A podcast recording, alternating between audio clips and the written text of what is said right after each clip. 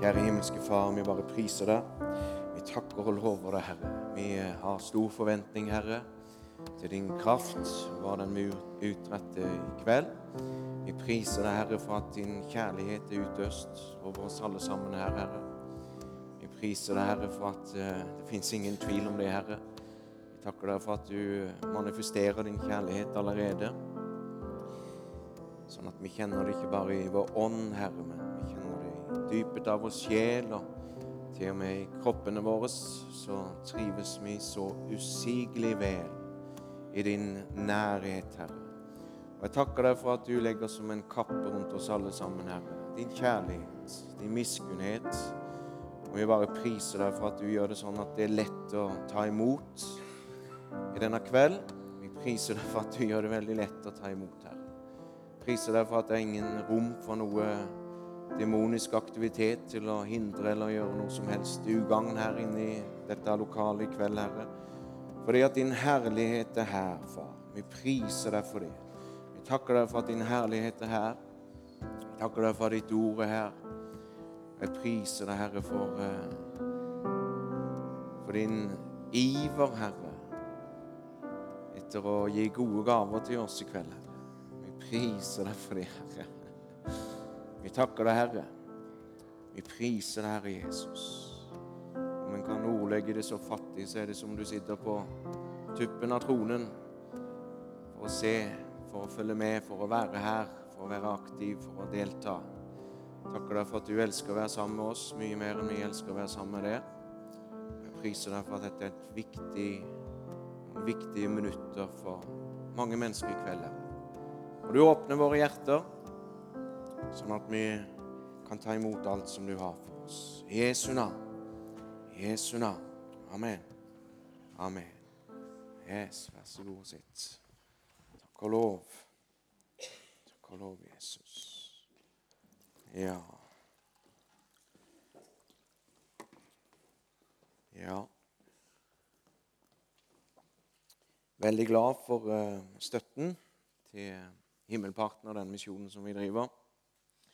Til tirsdag så reiser vi til uh, India. Da reiser jeg ned med mine to gutter, Olav og Eivind. Og vi skal ned og ha en kampanje der. Vi er langt fra velkommen, men vi kommer allikevel. De vil ikke ha, de vil ikke ha oss der nede. Prøvde å sende ned penger, det blir returnert av myndighetene. og de, de, vil ikke ha den type virksomhet der nede, så jeg har fått visum som turist. da, Med forbehold at ikke vi må delta på noen konferanser og sånn. Så nå får dere, får dere be. Så får vi se hvem som ber, da. liksom hvem som... Jeg husker jeg jeg har jo vokst opp, vokst opp sier jeg, jeg har jo jobba mange år med Leif Normann Johansen. vet du, Han er jo en kjent mann i bygda her, fra Rema 1000. Og vi hadde det utrolig mye morsomt og gøy på Spar. Og vi, Det var jo om å gjøre for å mobbe hverandre så godt som mulig. da. Jeg var så ille med han en gang vet du, at det var litt ham. vet du, hadde, Det var jo en som faktisk kom inn og sa det at spurte om han ville ha en levende grisunge, liksom, og så ville jeg ha det til at han hadde svart at han hadde nok med seg sjøl. Og sånn holdt vi på, vet du. Og så kom han til meg da, vet du, en dag at Inge, har du hørt om den nye underskripskampanjen i Froland? da? Nei, sa jeg. Det for noe? Inge Røisland ut av Froland, sa han. Så det, det kan jo bli det nå, da. Hvis vi blir tatt for å forkynne her i India. Men eh, vi tror de skal gå bra. Vi skal, jeg må drille litt på de guttene. vet du. De skal synge og spille litt, faktisk. Så det blir jo gøy for dem å få et publikum som er på noen tusen mennesker. Um, og vi tror at mange, mange mennesker skal bli frelst og helbreda. Vi skal ha pastorseminar, og, og vi trenger forbønn for den uka der. Vi begynner møtene på onsdag, og så avslutter vi på søndag så, eh, så trenger vi òg forbønn når det gjelder eh, nevnte det med kampanjer. at uh, En kampanje vi skal ha nede i Europa så I fjor så hadde vi et veldig gjennombrudd og brukte en sånn sigøynerkonge der nede. Det er jo ikke som oss her i Froland misjonskirke, så, Så I år da, så hadde vi valgt en annen koordinator, og så var vi felles med alle der. Men da ble han sur. da. Han ville være sjefen, så han trua med å trekke unna 800 medlemmer fra kampanjen vår. som så vi måtte flytte Vi vil ikke bøye oss på det, så vi har flytta kampanjen til et mindre sted. og litt sånn. Det, det, går i boks, men vi trenger litt forbønn for sånne ting. Og til og med her i Norge, Norge nordover så, så hadde vi alt tillatelser både fra brannvesen og veivesen og kommune og politi til å kjøre en skikkelig kampanje et eller annet sted som vi ikke behøver å si navnet på. Og Så hadde vi til og med fått låne en privat grunneier et jorde ved siden av et bedehus, en menighet der. Og så er det en festival der som eh, der er 20 000 mennesker innom, og vi skulle ha telt i gangavstand til den festivalen. Eh, men da syntes menigheten at det var så frekt at vi kom og forkynte evangeliet, var sånn påtrengende for de, alle de ufrelste som var der og skulle ha det gøy. liksom. Så det lukka de ned, og vi fikk ikke det jordet, Og nå må vi kansellere hele kampanjen. Og da, da, begynner du å lure at eh, hvis saltet mister sin kraft, hva skal det da saltes med? Så det er sånn en motstand. Selvfølgelig så raser djevelen mot alt som eh, har med salvelse å gjøre, og Guds ord og evangeliet og, og sånt. Så, så blir det motstand. Så vi trenger forbønn. Det, vi går et annet sted, vi. Så, sånn er det bare. Vi går på. Vi bruker apostlenes gjerninger som mal. Og hvis de dør stenger seg, så kjører vi på en annen sted, og så kjører vi på. Yes. Men det er jo synd for det stedet da, at noen skal lukke ned og hindre at mennesker skal bli frelst. I kveld så skal vi eh, dukke ned i de som har med helbredelse å gjøre. Det er jo ikke så mye en kan få sagt på, på en preken, men vi skal, vi skal eh, sondere terrenget litt rundt i det som har med helbredelse, fysisk helbredelse å gjøre. Eh, ta det ganske rolig. Det blir en litt sånn undervisning, og så skal vi praktisere lite grann. Eh,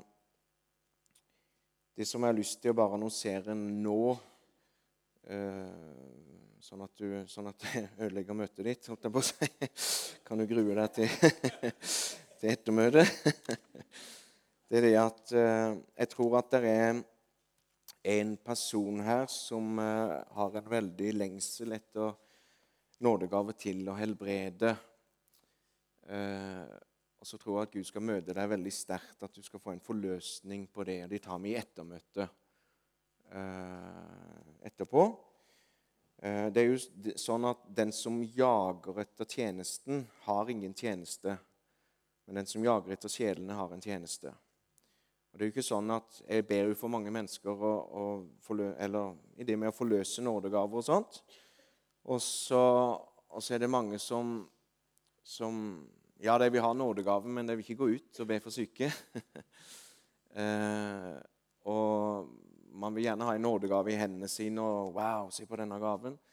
Men da har man bomma veldig, for at hjertet må alltid være på sluttmålet, den syke. Hvis ikke man har hjerte hjerte, omsorg, kjærlighet for den som er syk, den som lider, så, så er man ikke berettiget sånn et verktøy eller sånn et våpen, om du vil. Så jeg tror det sitter et menneske her inne i kveld som, som lengter etter denne gaven, og så ser i grunnen for meg at det kommer engler i den usynlige verden med ild fra Guds alter og legger ned i livet ditt, eh, som gjør at eh, den ilden kommer til å fortærer bort. En fortærende ild som fortærer bort egne motiver og, og sånne ting. Og så, og så, er det bare Guds rene kjærlighet som står igjen til den syke. Eh, og da blir plutselig ikke frimodighet eller mangel på frimodighet noe problem lenger, fordi at det blir en ild som bare driver. og Man mister de hemningene og den menneskefrykten.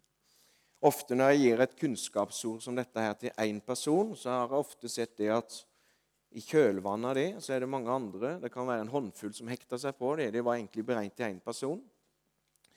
Men så hekter det seg på en håndfull mennesker til.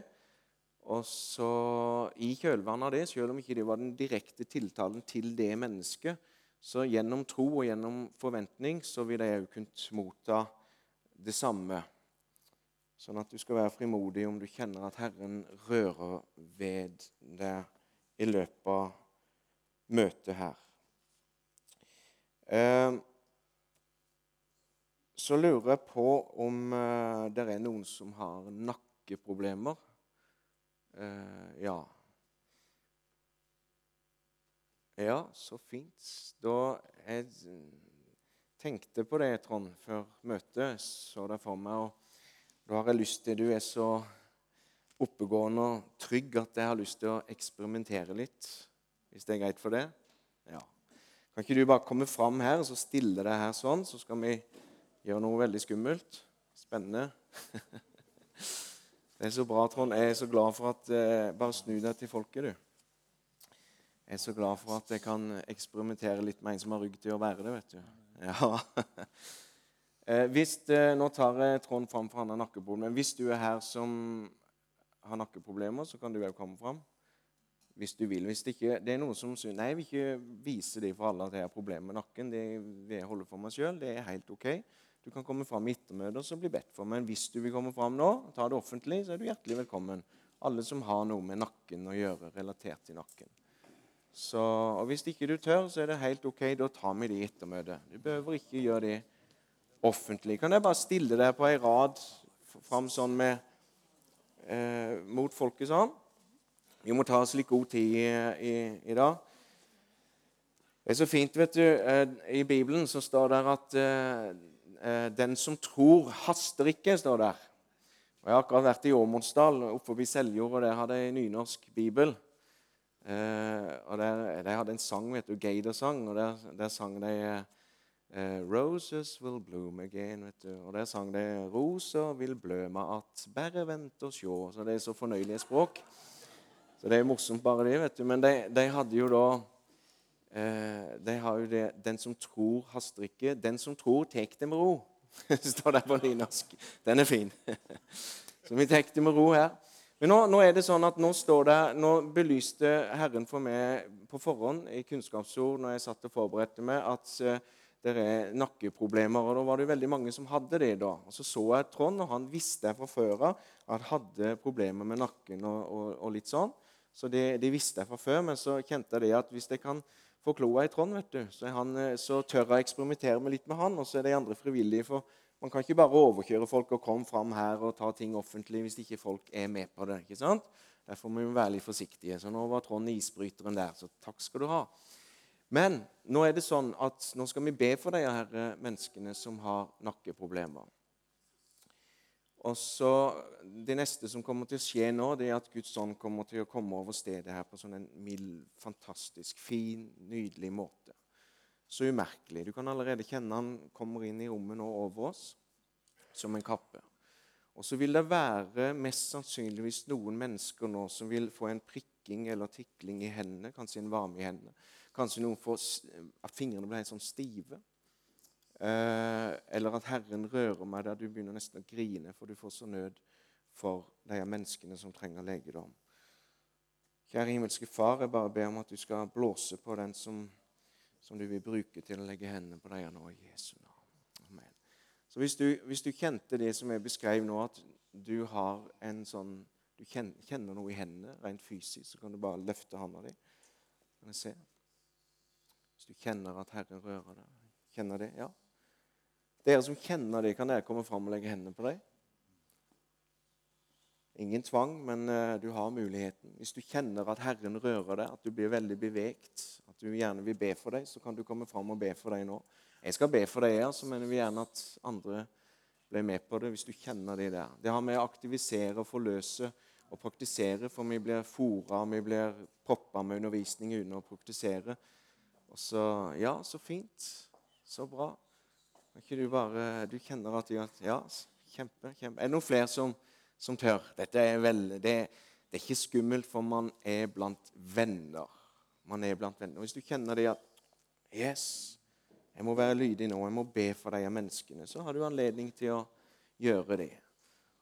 Og så er det så veldig avslappa i Guds forsamling. Vi er jo venner, vi er jo familie at hvis du kjenner at Tenk om ikke det er, Gud, at jeg kjenner at kanskje det er sjelisk og sånn. Ja, fallhøyden er veldig liten. Om du går fram og, og ikke Gud kalte deg fram til å be for deg, så hadde vi i grunnen ikke dumma deg ut noe som helst. Så vi skal be for deg nå, alle som forsamling, men alle som kom fram nå og bare kjente det av Gud minner dere. Dere skal stå opp, og så skal, vi, skal jeg lede en bønn, og så går dere bare og legger hendene på nakken til hver enkelt. Og så, så ber vi nå. Så betjener vi de menneskene. Og så forventer vi at det skal bli mirakler. Og skal vi, etterpå så skal vi spørre om det blir en forskjell. Eh, og da er det ofte sånn at ja, for å please predikanten så sier vi ja, det ble bedre. og litt sånn, vet du. Og Hvis du ljuger, så kommer du ikke til himmelen. ikke sant? Så du, så du må ikke Hvis ikke du er blitt bedre, så må du si det at nei, det skjedde ikke noe. Det kan skje etterpå, det kan skje i morgen når du kommer hjem, eller eh, når som helst. ikke sant? Så bare vær dønn ærlig. Ikke, ikke prøv å liksom Nå blir Inge lei seg hvis ikke jeg sier det blir bedre. ikke sant? Det, det bare legger vi bort sånn. Amen. Amen.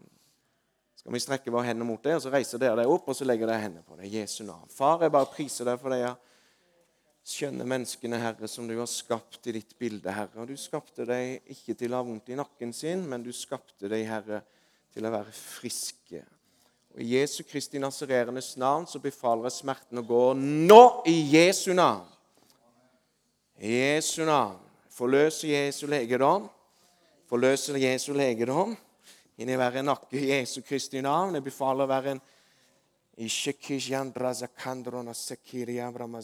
jeg forløser Jesu legedom. Jeg forløser Jesu legedom inn i Jesu, i Jesu Kristi navn. I Jesu navn. I Jesu navn. I Jesu navn. Hva forløser Jesu legedom? I Jesu navn. I Jesu navn. I Jesu navn. I Jesu navn. I Jesu navn. Halleluja. Halleluja.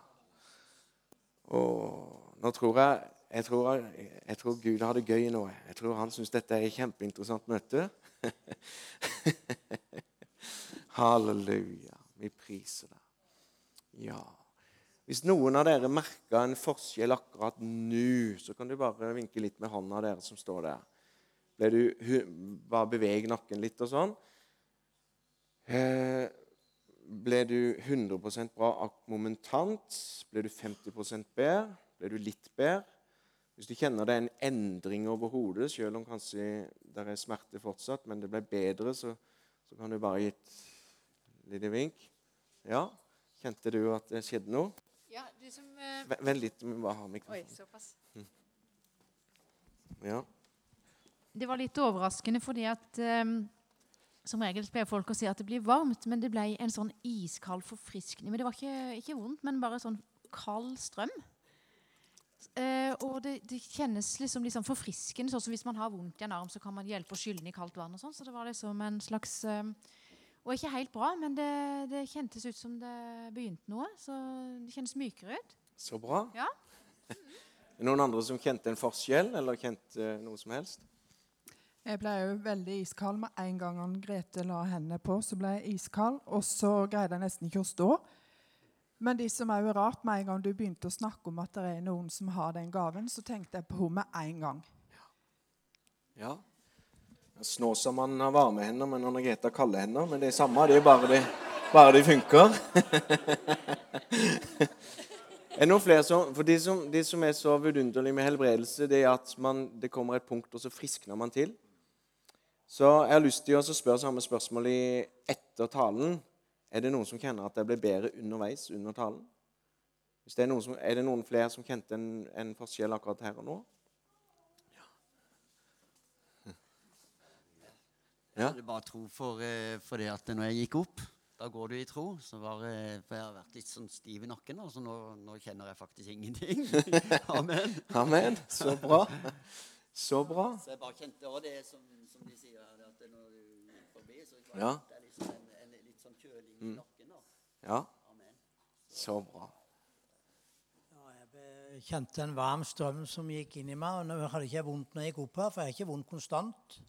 Men jeg kjente en varm strøm og en kraft som gikk gjennom meg. Så det vil jo vise seg i ettertid. Eh, Gud han helbreder kan momentant noen ganger, og noen ganger går det over tid. Helbredelse det går over tid. Mirakel skjer med en gang. Amen. Amen. Ja. Så var det noen flere, eller? Ja? Ja, jeg har hatt vondt i nakken i veldig mange år, så det kommer og går veldig mye. Men jeg i dag har hatt veldig vondt. Eh, men jeg kjenner at eh, det løsner opp. Og så kjente jeg at det rykka liksom i magen der på Den hellige ånd-plassen. Um, ja. Og så kjenner jeg meg bare veldig salig. Halleluja. Fortsett be. Men eh, det som Herren har påbegynt, det skal han fullende. Jeg var jo inne på Rikshospitalet for å operere nakken, men blei sendt hjem igjen fordi at jeg var for dårlig, sa de den gangen. Så, eh, så jeg kjenner jo det at eh, Og jeg har jo gått under bønn i, i snart halvannet av to år, og så bedt daglig for helbredelse for det. Så jeg tror det Gud har påbegynt, det skal han fullende. Amen. Amen. Tusen takk, alle sammen. Bare gå, ta plassene deres igjen. Eh, det som ofte er fella når man har bedt for syke, og så du kjente at ingenting skjedde der og da, så blir, så blir man fort, så kommer følelsene, og så blir man fort skuffa. Og så, og så går man ned og setter seg eller går hjem, og så tenker man at eh, åh, uh, ble ikke helbreda nå heller. Men Gud har mest sannsynligvis en helbredelse på gang. Og hvis man tenker det at ah, så slipper du det, det nytter ikke denne gangen heller, så aborterer man mirakelet. Det man skal gjøre når man har fått forbønn, det er å takke Jesus. Sukke til han inni der. Takk, Jesus, jeg tror at du gjør noe i nakken min nå. Jeg tror at du gjør noe i kroppen min. Takk, Jesus, jeg vil prise deg. Eller jeg bare legger min, kroppen min i dine hender, så må du fullføre den helbredelsen. Så må du gjerne sitere bibelvers på syke skal de legge sine hender osv. Og, så og så takke Jesus. Ikke anspenthet og, og frykt, for det, det er motsatt av tro, men den derre hvilen der du har tillit til Jesus. Og så bevare den roen. Ikke ta imot skuffelse, men bevare roen og freden. Og så sitte også Og så er det veldig mange vitnesbyrd på at det kommer over tid. Over noen timer eller en dag eller to. Halleluja. Men ikke aborter mirakel. Uh, er det andre som har eh, Nå skal jeg ikke ta noen fram. Bare, du kan bare rekke opp hånda, skal jeg ta en fellesbønn før vi deler Guds ord. Er det andre som har generelt sett smerter i kroppen nå, som har smerter, så kan du bare vise hånda. Skal vi be en Ja. Hmm. Kjære himmelske Far. Takker deg for de menneskene, Herre. Takker deg for makten og kraften i Jesu navn. I Jesu Kristi navn så befaler jeg smerte å gå nå i Jesu navn. Så sier du som hadde smerte, tar imot legedom nå i Jesu navn. Jesu navn. Er det noen som kjente en endring her, og noen som rakte opp hånda, så kan du vise hånda. Noen som kjente en endring? Ja. To. To stykker kjente at smerten forsvant. Er det flere? Du? Ja. ja. Skal vi la den sitte og mørne gjennom prekena? Så skal vi be for syke etterpå. Det er jo helbredelse nå. Det blir stakkars den som skal lage taleserie av dette her.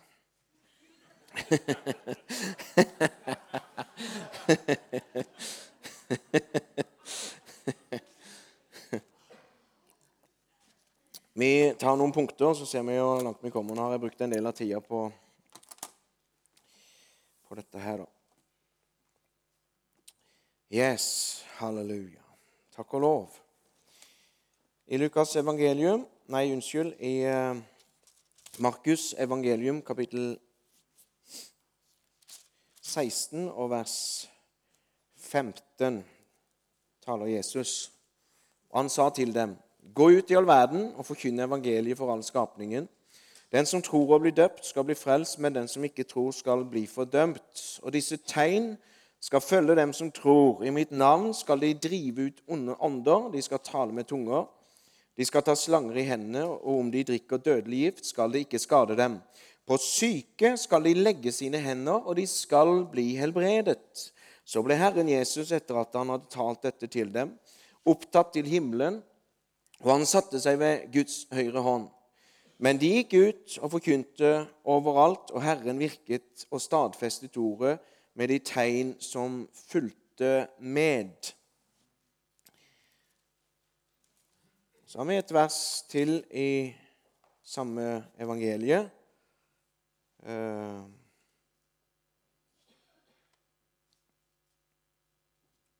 Unnskyld. Matteus kapittel 10,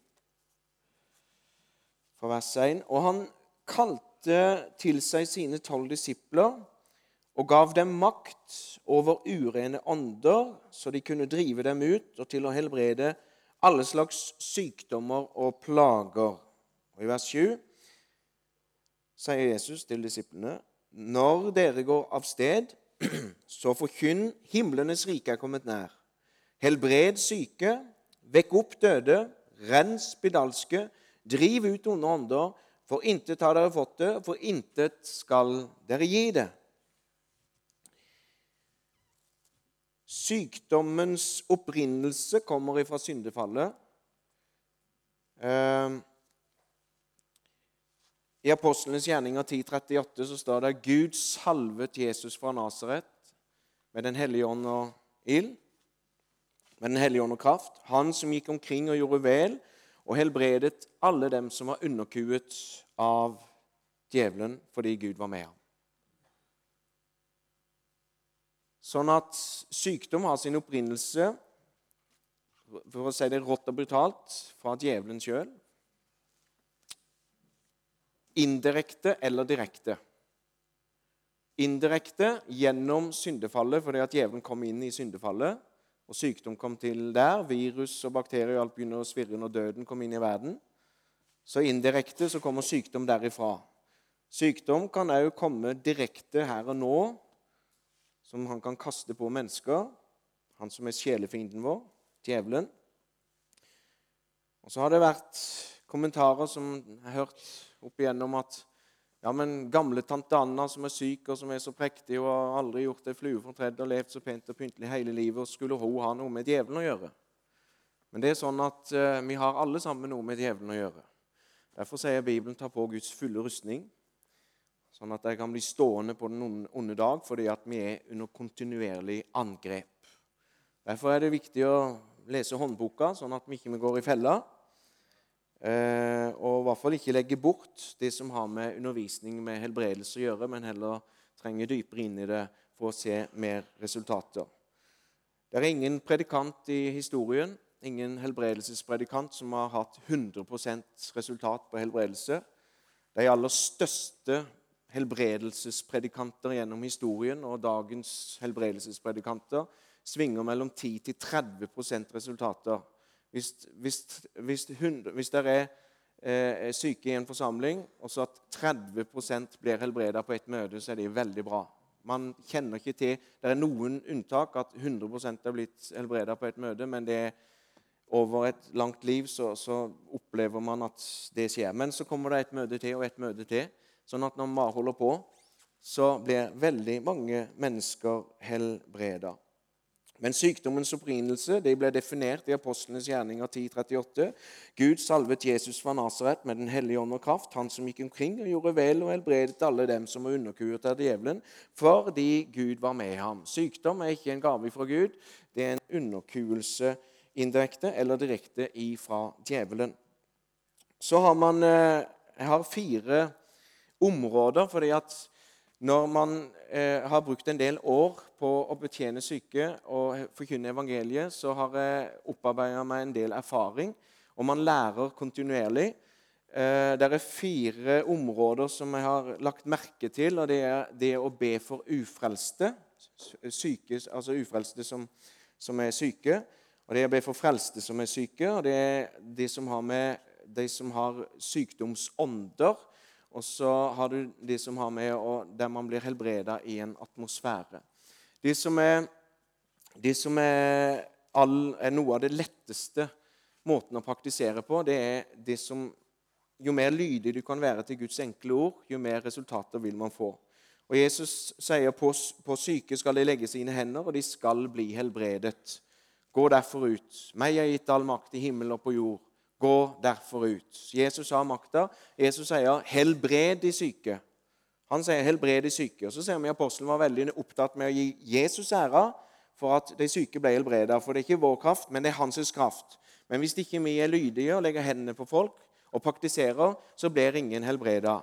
Nå nå tror jeg at flere av de som var framme her nå, kommer til å friskne til, og, og at nakkesmertene kommer til å forsvinne. Noen kjente endring med en eneste gang. Eh, hvis ikke jeg hadde gjort det, da, så hadde alle sammen sittet med like mye smerter i nakken. Hvis ikke jeg hadde gjort det. Hvis ikke jeg hadde bedt ut en fellesbønn nå med smerter, så var det to-tre stykker som rekte opp handa at nå kjente de at smerten gikk eller ble bedre. Ja vel, så hadde ikke det skjedd. Det er Guds kraft som gjør det. Men Jesus sa gå ut og helbred de syke. Hvis ikke man er aktiv på det området, så ser man lite resultater. Eh, man får rapporter i dag, f.eks. Eh, Torben Sørgaard Søndager. En kar som, eh, med f.eks. Todd White. Gutter som, eh, som tar misjonsbefalingen på ordet. Så går de ut på gata så spør de folk har du smerter i kroppen, er du syk eller har du noen plager. Og så, ja, så er det jo noen som har det. Så sier de bare 'smerte gå i Jesu navn', og så blir de momentant helbreda. Der er det en skyhøy prosentandel som blir helbreda. Sky, det er det mest høye statistiske andel av suksess man har når det gjelder å legge hendene på de syke. Det er ute på gata på ufrelste mennesker. Den samme erfaringen har jeg gjort når jeg er i Pakistan. Og 90% av forsamlingen der ute er muslimer, er ufrelste mennesker. Der er det desidert mest mirakler. Der har jeg sett de lamme reise seg fra rullestolene. Der har jeg sett de største miraklene. Til og med en død baby som ble vekt opp fra døden der i, i 2013. Der blant de ufrelste. Der skjer det desidert mest. Det er fordi at man lyder Guds ord nøyaktig på kornet. For Jesus sa 'gå ut' i all verden. Forkynn evangeliet, driv ut ånder, legg hendene på de syke osv. Og, og når man går ut, ja vel, da skjer det. Så Derfor er det en veldig høy prosentandel av det. Å be for ufrelste det er nesten sånn nå at jeg vil, før jeg ber til frelse med folk, så har jeg mest lyst til å be til helbredelse. For det virker som at, at det er mer sjanse for at folk blir helbreda når de er ufrelst. Det har med det å gjøre at det fins tre faktorer som må til for at et menneske skal bli helbreda. Det er tre personer involvert. Det er nummer én Gud, nummer to den som ber, og nummer tre den som er syk, og som får håndspåleggelse. Så det er tre parter involvert. Men når et menneske er ufrelst, så er han ekskludert, eliminert vekk fra den der eh, trioen der. Han er død i sin synd borte fra Gud, lever i mørkets rike. Han er ikke kommet inn i lysets rike, så han kan du ikke regne med. Det er en død person åndelig sett. Så da har du bare to faktorer igjen, og jo mindre kokker, jo mindre søl. Da er det bare du og Gud. Da har du ikke en til å surre det til.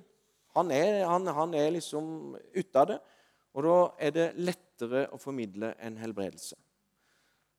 Jeg husker i teltet i fjor sommer i Egjek i Ungarn, så var det flere helbredelser der. Og Der var det to unge gutter, enten ufrelste eller ungdommer. Fordi at ungdommer er så rene i sjela si på et vis. De har, uh, har så få år å bygge på seg med feile tenkninger og søppel og bagasje som, som vi lesser på oss i løpet av åra. De er så nye. At de har ikke de der hjulsporene som mange andre av oss har. Så når de kom fram, og den ene hadde et eller annet i beina, og den andre hadde noe i nakken, og de bare la hendene på dem, og en kort bønn, og bang, der ble de helbreda. De satt med geipen på kneet omtrent og hadde hakaslepp. Fullstendig helbreda der og da. Går veldig fort. Så var det ei anna dame som ble frelst og kom inn i rullestol der. og Jeg skulle til å be for henne, vet du, og så, og uh, Hun hadde Hun hadde mange ting. Hun eh, var svaksynt, kunne ikke se på TV. og, og eh, Sukkersyk og smerter i kroppen. Eh, og Så skulle jeg ta henne liksom i beina, sånn, så var det plastbein. vet du, Hun hadde amputert beina. Og så tenkte jeg kjære tid, hun har jo ikke bein, sa til tolken. Nei, hun har ikke bein. Ja vel, men... Og da måtte jeg være så ærlig at jeg visste jo at Gud kunne vokse ut nye bein på Men jeg hadde ikke tro for det. Jeg var ikke kommet så langt i min tro for at jeg kan si at jeg tror Gud kan gjøre det, men det er ikke tro. Jeg tror at uh, Knut Avland kan komme til uka og blåse ned hele kollen bak her. Jeg tror det, men uh, det kan han, men uh, det skjer ikke. ikke sant? Det, det, det, man, bare, man vet at Gud kan ting og, og sånn, og ønsker ting, men, men, at det vil skje der og da, og at Gud vil bruke det der og da til å gjøre det, det må man ha tro for, og det kan man vokse inn i. Så jeg er veldig åpen for å vokse inn i sånne mirakler. Men så tenkte jeg at det har jeg ikke tro for. Gud tilgir meg for det. Men jeg har tro for at hun skal få synet fullkomment igjen, og smertene skal gå, og diabetesen og det der skal gå. Så jeg ba for det, og så i løpet av uka så fikk vi sjekka det ut. Hun fikk syn tilbake og kom tilbake vet du, full av glede. Dere hadde sett på TV hele natta omtrent, for det hadde hun kunnet gjøre. Så jeg håpte ikke hun, hun så på noe, jeg håper hun så på noe ubyggelig. Eh, og alt de andre forsvant. Og vi, Beina kom ikke, som sagt, men det hadde jeg ikke tro for heller. Men vi bar henne ut i dåpsbassenget på søndagen og døpte henne. Det var en styr av en annen verden. Eh, så hun ble herlig frelst og døpt.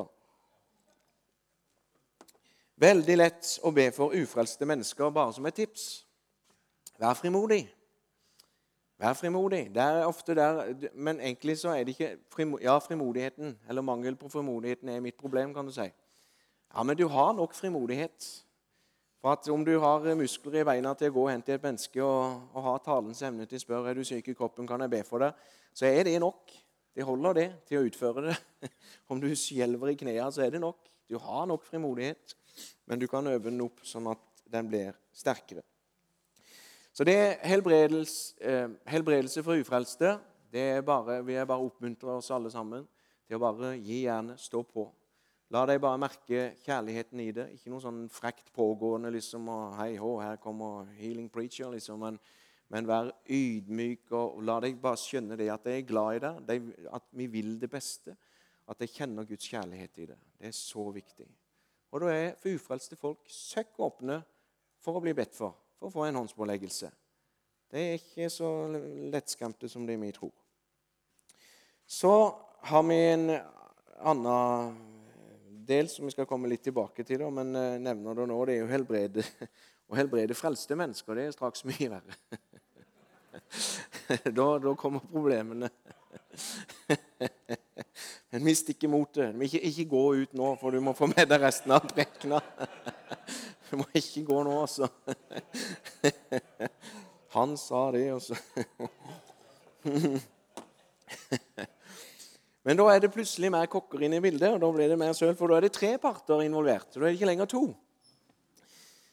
Da er det Gud, du og den syke. Og Den syke har vært frelst i mange mange år og har hatt masse hjulspor og tankemønster og masse vrangforestillinger, som f.eks. at bare jeg blir hellig nok, bare jeg blir god nok, så vil Gud eh, liksom donere en helbredelse for meg inn i framtida. Så kan man gå med sånne ting. Og nei, jeg er kanskje ikke god nok. Og så går man med masse eh, tankebygninger som ikke er bygd på Guds ord, og som bare fòrer tvilen sånn at troen ikke er til stede der. Derfor er det veldig viktig for frelste mennesker å ta til seg undervisning om det som har med helbredelse å gjøre. Man kan ikke bare si det at ja, Gud vet hvilken adresse jeg har. Vil han helbrede meg, så får han komme, da får han gjøre det. liksom. Det er ikke sånn det skjer, dessverre. Eksemplene i Bibelen stort sett, det er med blodsjuke kvinnen i spissen, at hun trengte seg fram i folkemengden, grep tak i kappefliken, og så reiv hun til seg mirakelet sitt. Og Det er ytterst få tilfeller i Bibelen der Jesus kommer blomst på. Han gjør det òg. Og så der var Jesus, og så ble man helbreda.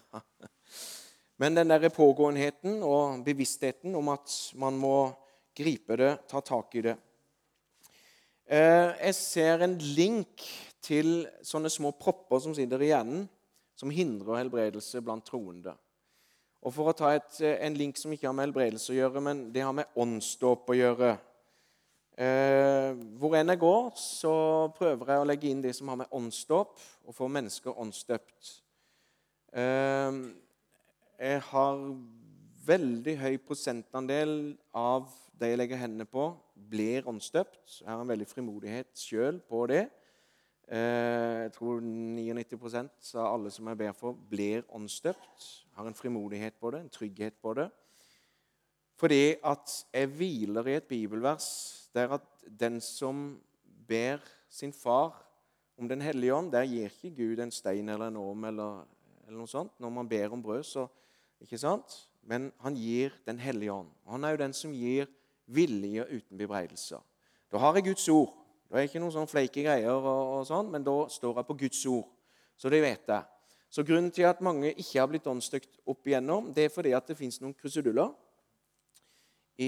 oppe i hjernen der man har feile forestillinger om hvordan ting skal være. Så har man f.eks. hørt vitnesbyrd av noen skikkelige sånn der eh, Maranata eh, Skikkelige sånn der bamser vet du, fra Maranata som de brøler vet du, når de preker. ikke sant? Og, og det er så kraftig og det er så sterkt. Det er herlig. Amen. Vi tar hele spekteret. Men så, så, sier de ja, når jeg ble åndsdøpt, så ble jeg slått i bakken under stolen, og der lå jeg i fire timer og bare talte. Jeg var vekk og, og sånn. vet du. Og så, å ja, det var sterkt. Og så tenker vi at sånn skal det være, ja. Og så kjenner du liksom ikke at det er antydning til å liksom inn i de sporet der når du får forbønn for åndsdåp. Og nei, da ble jeg nok ikke åndsdøpt, for jeg ligger ikke under stolen, og jeg har liksom ikke noe sånn. ikke sant? Så er det en tre-fire brødre som har, som har opplevd det sånn, da. Og det fins det jo. Men alle jeg har eh, bedt for, og inkludert meg sjøl når jeg ble åndsdøpt, det var udramatisk. Så når jeg ber til åndsdåp, så sier jeg noen få setninger. Tar noen få sekunder å si det. Så sier jeg nå legger jeg hendene på deg, og da blir du åndsdøpt. Sier jeg bibelverset at han gir vilje uten bebreidelse. Han gir Den hellige ånd til den som ber han. Det eneste kriteriet for å bli åndsdøpt, det er å være født på ny. Hvis man tror at man må ha hjerterens og hellige seg og faste og sånn, hvis ikke man får det, så er det på villspor. For man kan aldri fortjene å få en gave ifra Gud. Det er Paulus veldig, veldig opptatt av. Og Hvis man tror at man kan være med på Guds verk, så trekker Gud seg unna. Han vil ha all ære sjøl. Så det er noe som hindrer. Men da sier jeg til de som, åndsdøpt, nei, de som søker åndsdåp, at nå får du Den hellige ånd. Du kommer til å tale i tunga. Inni der vil det være noen ord. Du må tale det ut sjøl. For noen tror at Gud bare tar over, så mister du kontrollen på armer og bein. Sånn. Det er ikke sant. Det er sånn at Du må bruke tunga di, munnen din, leppene dine og tale ut det ordet. Så sier jeg en ting til. Den hellige ånd taler ikke i tunger. Du taler i tunger, men Den hellige ånd gir orda som du skal tale. Ah, Da går det vekk en propp til. en propp til. Og så, jeg, så, tar jeg enda en propp så sier jeg at ikke vær redd for å kopiere andre du har hørt. Ah, Så går den proppen. Og Så sier jeg en ting til og så sier jeg at ikke vær redd for at de skal være av deg sjøl. For at du kan aldri dumme deg ut for Gud. Han elsker at du nå søker denne gaven. Der går jeg enda en propp. Og så sier jeg det at eh, når du ber, av og til så stopper jeg deg for at ikke be på norsk. Du får ikke lov å be på norsk. Du får ikke lov å si halleluja, Jesus, Jesus, Jesus, Jesus. Jesus. Du får ikke lov å si ett ord. Du får kun lov å tale i tunga. Og Mange ganger vet du, så ber jeg for deg så Jesus, Jesus, Jesus. Det er så krampa tar deg, vet du. og så stopper så sperrer de hele greia istedenfor å lytte og så Ja, der er et ord. Jeg kjenner det. Taler du ut. Så, så kommer det.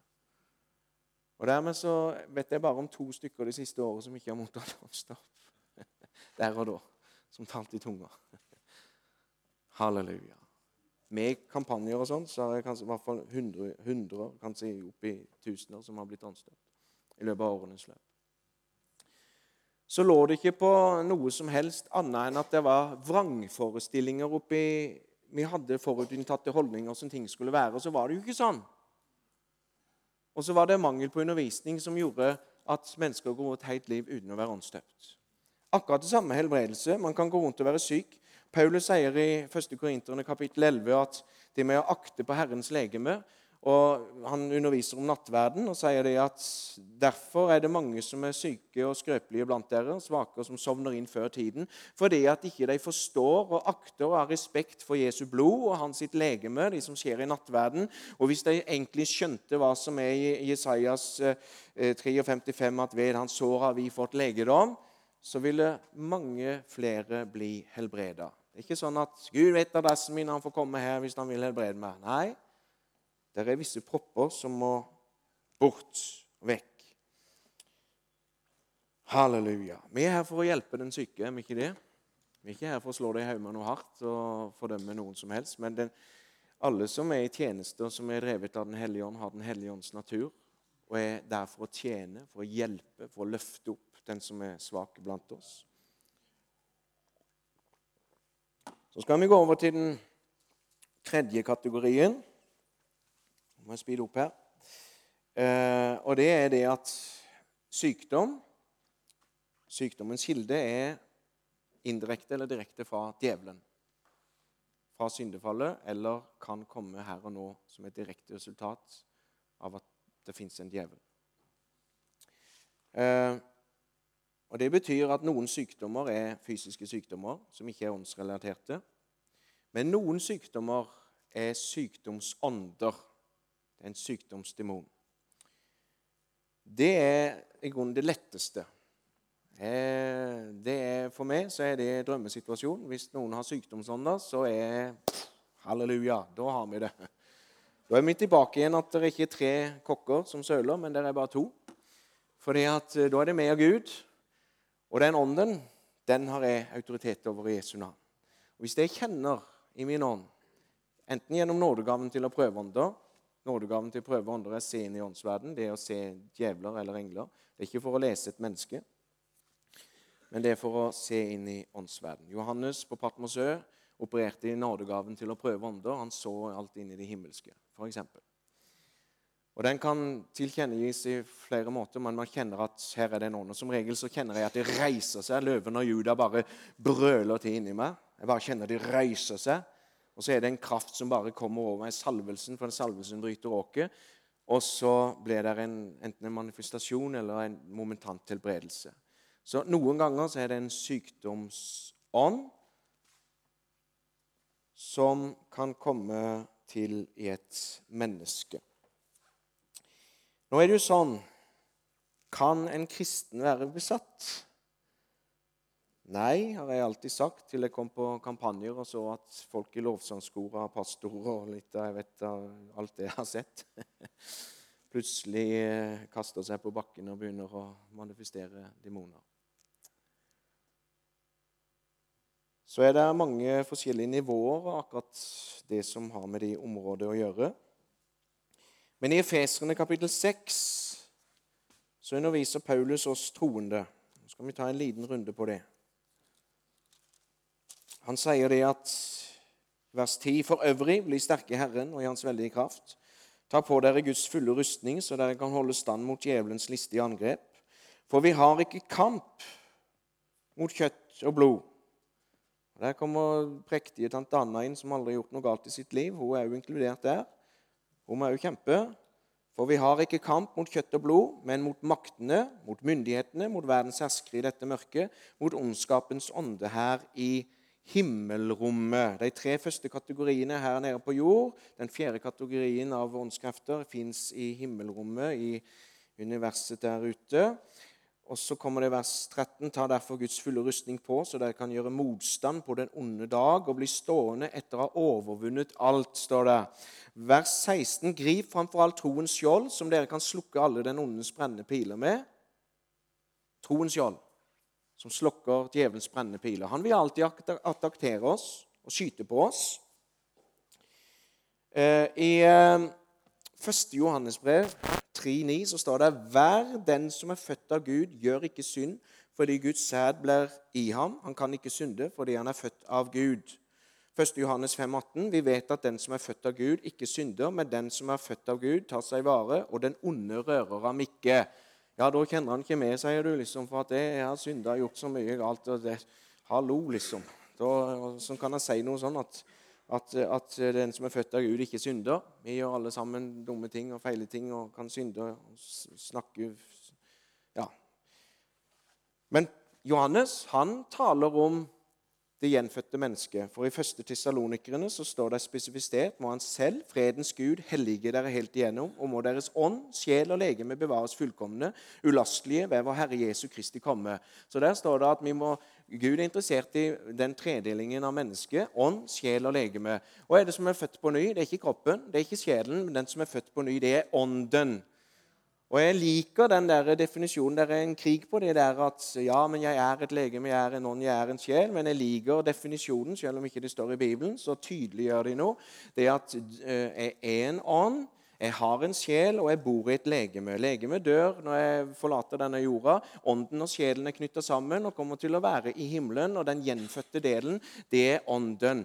Nå er det sånn at Det som er født av Gud, kan ikke synde. Og det er Den hellige ånd, den nye skapningen. Den gjenfødte ånden din kan ikke synde så lenge Guds ånd bor der. Men derimot så kan sjelen din tenke stygge tanker. Derfor så står det i Efeserne kapittel 5 at man skal ta vannbadet i ordet. Det står noe om vannbadet i ordet, renselsen. Man vandrer på denne jorda. Dere trenger ikke å vaske hele legemet, sier Jesus til disiplene. Dere trenger bare å vaske føttene. Sånn er det at vi kan skitne oss til gjennom alle inntrykk som vi får gjennom venner, gjennom media, gjennom det sosiale liv. Så er det piler som kan, djevelen kan bruke for å skytes mot vårt sinn. Dermed så er sjelen under attakk. Men ånden er vaska ren i Guds blod, og den kan ikke synde. Den er beskytta. Men sjelen er tilbøyelig til å tenke stygge tanker. Og det samme med kroppen. Den kan gjøre stygge ting. Men ånden, som er det som er født av Gud, det seirer over verden. Sånn at det er en mulighet for mennesker som er frelst, til å bli infiltrert med til og med åndsmakter og av og til sykdomsånder. Ofte så, Hvis du skulle visualisere det på en film, eller noe sånt, så kan du se en liten bavian som sitter på skuldra, eller som holder ei skrutvinge over kronisk hodeverk over mennesker, og som sitter der. Og Mange ganger så, når jeg ber for mennesker som har hodeverk, av og til så er det fysisk, men noen ganger så er det en demon som sitter og, på utsida Ikke noen besettelse, på utsida, som tvinger til og når jeg, når jeg, ser og kjenner det i ånden, så må jeg nesten bare le, for da tar jeg det momentant. Og det er alltid 100% resultat når det er en åndsmakt. Da har jeg det på kornet. Da er jeg veldig glad. Hvis det er demoner inne i bildet, oh, juhu, da Showtime, altså. Ja, da blir det Da, blir det da vet jeg at da, da, da, har vi det. Da har vi det. Men er det sånn at et menneske har en fysisk sykdom, og har vært frelst i mange mange år og ikke er ufrelst, og sånn, og som liksom bare tar alt sånn som du skulle ikke sant? Så må du kanskje stå og undervise og Nei, men hør her, min venn. Og så må du Det er klart at Gud vil helbrede deg. Nei, men jeg tror ikke han vil det. Og jo, det, og så må du stå, så må du forbi en del barrikader for å komme inn med troen i hjertet. Skal vi gå til siste punktet der? Ja, vi kan bare avslutte litt på det punktet. det at, at eh, den som I Efeserne så står det det at eh, Ta Guds fulle rustning på, så de kan gjøre motstand på den onde dag og bli stående etter å ha overvunnet alt. Vi vil være under attakk. Derfor er det viktig, selv om vi er friske, å takke Jesus for Golgata-verket, til frelse og helbredelse. Han ble såret for våre overtredelser, knust for våre misgjerninger. Straffen lå på ham for at vi skulle ha fred, og ved hans sår har vi fått legedom. Det er viktig at vi akter på legemet og på blodet, sånn at vi ikke sovner inn før tiden. Det er viktig at vi tar Salme 103, vers 2-5, f.eks. Min sjel, lov Herren, og glem ikke alle hans velgjerninger. Han som forlater alle misgjerning, som leger alle dine sykdommer. Han som forløser ditt liv fra graven, som kroner deg med miskunnhet og barmhjertighet. Han som metter din sjel med de som godt er, så du blir ung liksom mørnen. Det fins en salvelse i Guds ord. Og det brytes noe i åndsverden rundt deg når du taler det ut over dine egne lipper. Du går inn gjennom dine egne ører, og det gjør noe med din egen tro. Og når du taler og proklamerer Guds ord, ikke sånn der krampaktig og løfter seg sjøl i håret, men hviler i det, tygger på det, smatter på det, fryder seg i det, priser Gud, det er tro. Det er tro. 1. Peters brev 2,24.: Han som bar våre synder på sitt legeme opp på treet for at vi skal dø bort fra synder og leve uh, for rettferdigheten. Ved hans sår har dere blitt lekt, så da. Ved hans sår har dere blitt lekt. Det å anerkjenne at det er helbredelse i Golgata, det gleder Jesus sitt hjerte. Og det er legedom i det. Det er helse, og det er legedom. Jeg elsker den innstillingen som Trond har der. Ja, han har problemer med nakken sin, men han har rette innstillingen og det er grunnlaget som må til for å motta en helbredelse. Ehm, sånn at man kan bli infiltrert både i skjeden og i kroppen av djevelens angrep, så det er sagt. Man må ikke tro at man er immun mot det, men hvis man akter på Guds ord Hvis man tar på seg rustningen, så blir det som i 2. Mosebok 1526. Dersom du hører på Herren din Guds røst og gjør det som er rett i hans øyne, dersom du gir akt på hans bud og holder på alle på hans forskrifter, da skal jeg spare deg for alle de sykdommer jeg, sykdommer jeg la på egypterne, for jeg er Herren din lege. I Det nye testamentet så er det sånn at det er ikke at du skal akte på de 600 buda som, som, var i Moseloven, men nå er det det at du skal akte på løftene, på Guds ord. Du skal anerkjenne at det fins legedom i Guds ord. Jeg er Herren din lege. Og det fins en balsam, og det fins en legedom i det. Det fins en legedom i det. Tro ikke at man kan automatisk, hvis man blir født på ny, så går man gjennom dette livet, og så skal man ikke være, eller så blir man aldri syk. Nei, det vil være angrep. Derfor skal vi ta på rustningen. Derfor skal vi løfte troens skjold. Og troens skjold løfter opp de bibelversene for eksempel, som jeg sa nå, og så løfter vi dem fram. Det er å løfte troens skjold. Og så bekjenner du dem over din egen kropp. Så priser vi Herren for legedom. Så er det den fjerde tingen. Vi har vært innom det der med at det er veldig lett å be for ufrelste mennesker til helbredelse. Det er litt verre. De tar litt lengre tid. Det er ikke sant altså med, med frelste, fordi at det kan være en del tankebygninger. Så har du det med sykdomsånder. For eksempel, jeg var nede i Ungarn, så var det ei dame som hadde nedsatt hørsel. 35-45 henholdsvis på hvert øre. Og hun var den mest pene, pyntelige Hun var møtevert, trofast i menigheten i alle år. Jeg kommer fram for henne, jeg legger hendene på henne, og bang, så begynner hun å brøle som en besatt. Og så driver hun det ut, og så bang, så får hun hørselen tilbake. Jeg besøkte henne et år etterpå, fortsatt like god hørsel. Det var ei herlig frelst dame som ikke hadde ja, Som ikke hadde synd i sitt liv og, og herja på og sånn. Det var ei flott kristen, inderlig, herlig dame. Men den demonen som satt i henne, den satt ikke i ånden hos oss. Den legionen, det besatte mannen i Gerasenerlandet, han var besatt i sin ånd. Totalt inntatt, hadde ikke kontroll på noen ting. Men uh, denne dama hadde en demon som satt i øre, fysisk i øregangene. Kunne ikke komme inn i ånden, men fysisk i ørene så satt den og hemma hørselen. Og når da salvelsen kom, så bare ble de brutt, og så fikk hun hørselen fullkommen tilbake. Det er det mange, mange eksempler på.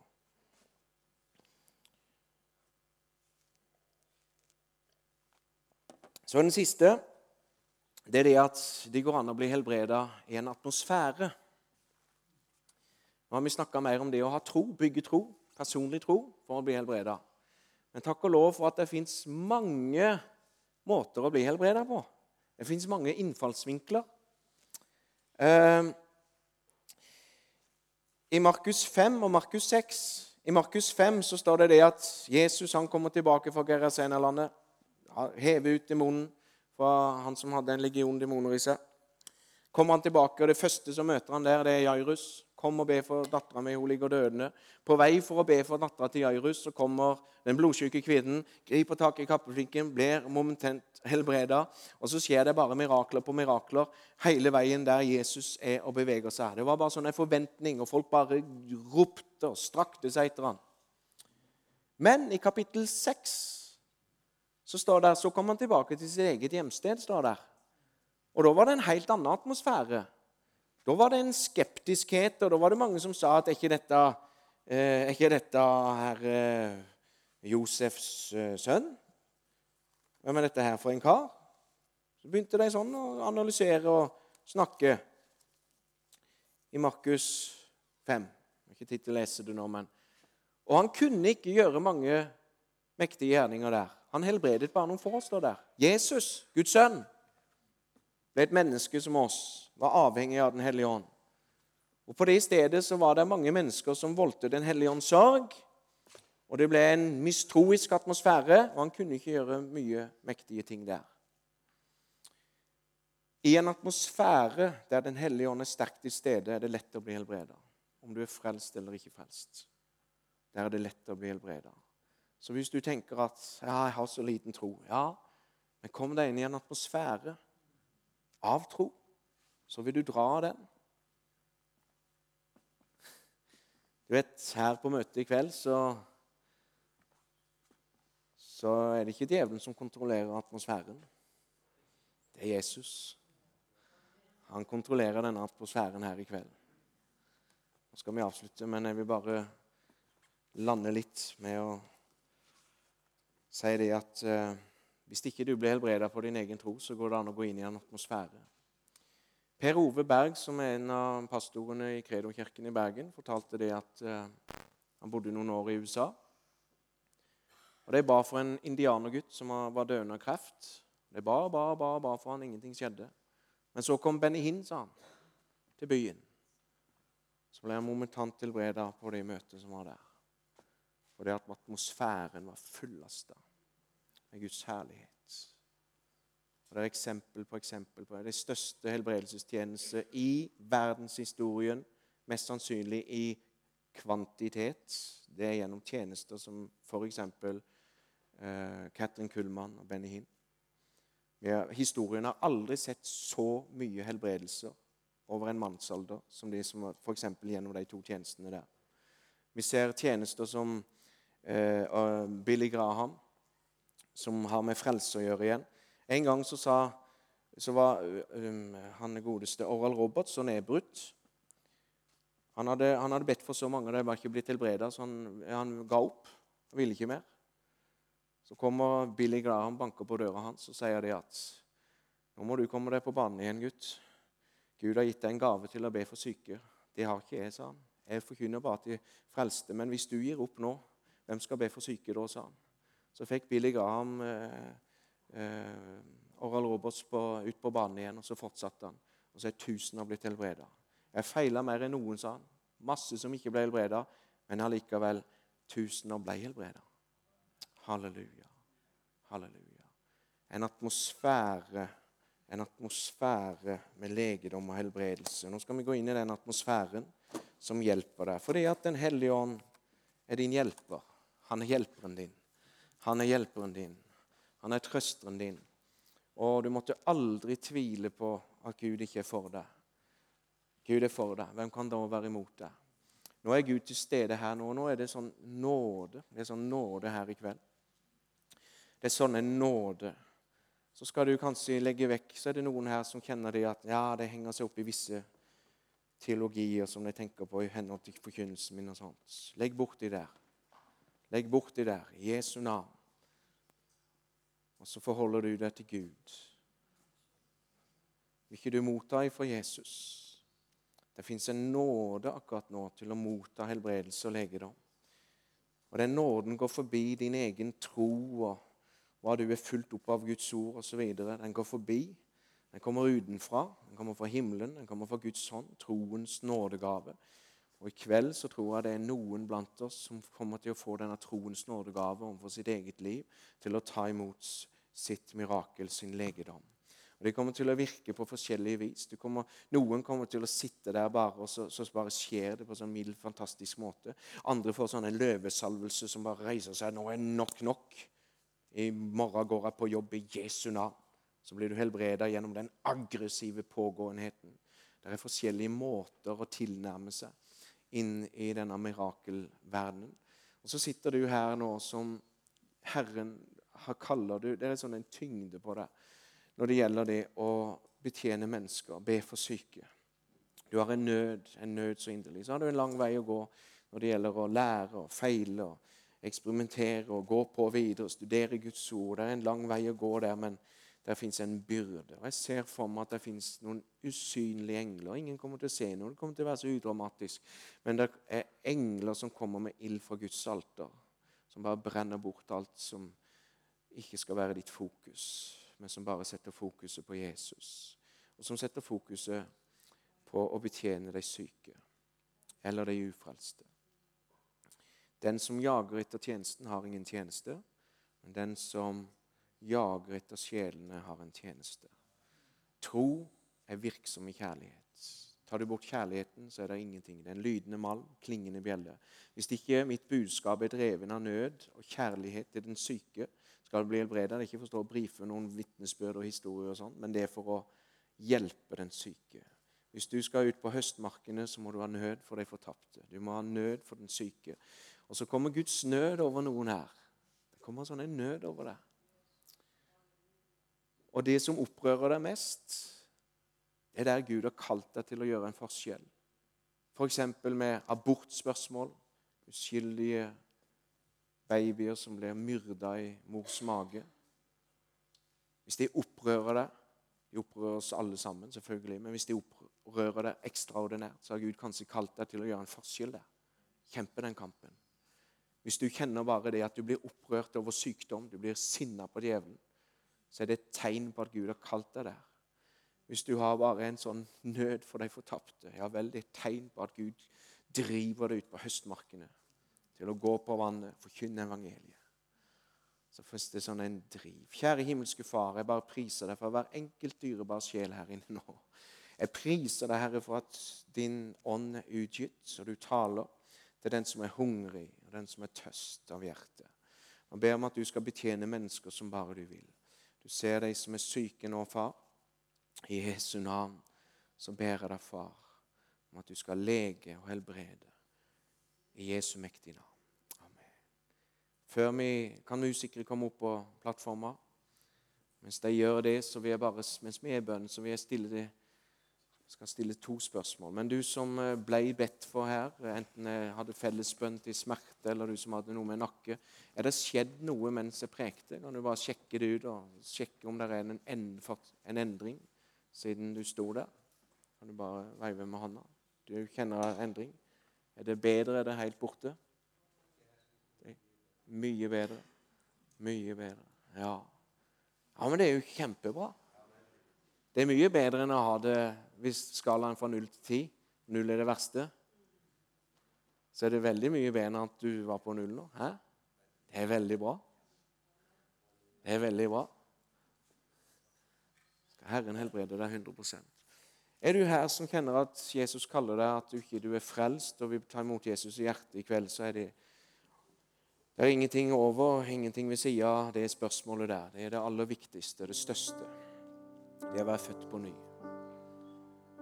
Hvis du kjenner at Jesus kaller deg at du vil bli født på ny, så kan du enten rekke opp din hånd nå, så jeg kan se hånda di, og du kan jo komme fram her sammen med de andre som vil bli for forbønn. Hvis du er her som ikke har Jesus i hjertet, så må du komme fram. Så skal vi be sammen, så får du Jesus i hjertet kaller Jesus på deg. Kaller Jesus på deg. Ja. Ja. Jesus. Skal vi alle sammen reise oss opp og så være delaktige i lovsangen og være aktive i ånden? Hvis ikke du lovsynger, så be lavt i tunga. Vær aktive. Lag en atmosfære for Den hellige ånd.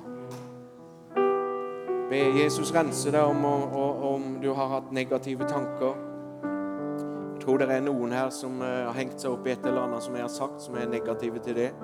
Bare legg de bort. Bare legg de bort. Og så ber du Jesus Legg de under blodet. Så ta imot av Jesus. Ikke gå glipp av å ta imot fra Jesus nå. Ikke gå glipp fra å ta imot fra Jesus. Halleluja. Halleluja. Så er du hjertelig velkommen, du som gjør forbønn. Spesielt du som er syk. Du som var framme til nakken, hvis ikke det skjedde noe, så kom fram en gang til. Jesus ba to ganger for den blinde mannen. Det er ingen, ingen skam det å komme fram flere ganger på den samme ting. Hvis du kjente at det skjedde ikke noe med nakken, kom igjen. Jeg kjenner jeg har en på, på nakken i dag. Halleluja. Halleluja. Så tar vi god tid her, og så skal vi Dere som er med i forbundsteamet. jeg ser dere er noen i crewet til Himmelpartner, vet du. Derfor bli med. Jeg får bli med og be for syke her. Hvis det er andre du som, hvis du skulle være som ikke frelst, så må du komme. Må du komme. Så ber vi selvfølgelig for andre ting òg. Hvis det skulle være ting som ikke har med sykdom å gjøre, så er du hjertelig velkommen. Vi står i sammen. Vi er her for å hjelpe og betjene i Den hellige ånds salvelse og kraft. Så er vi aktive i ånden alle sammen. Amen.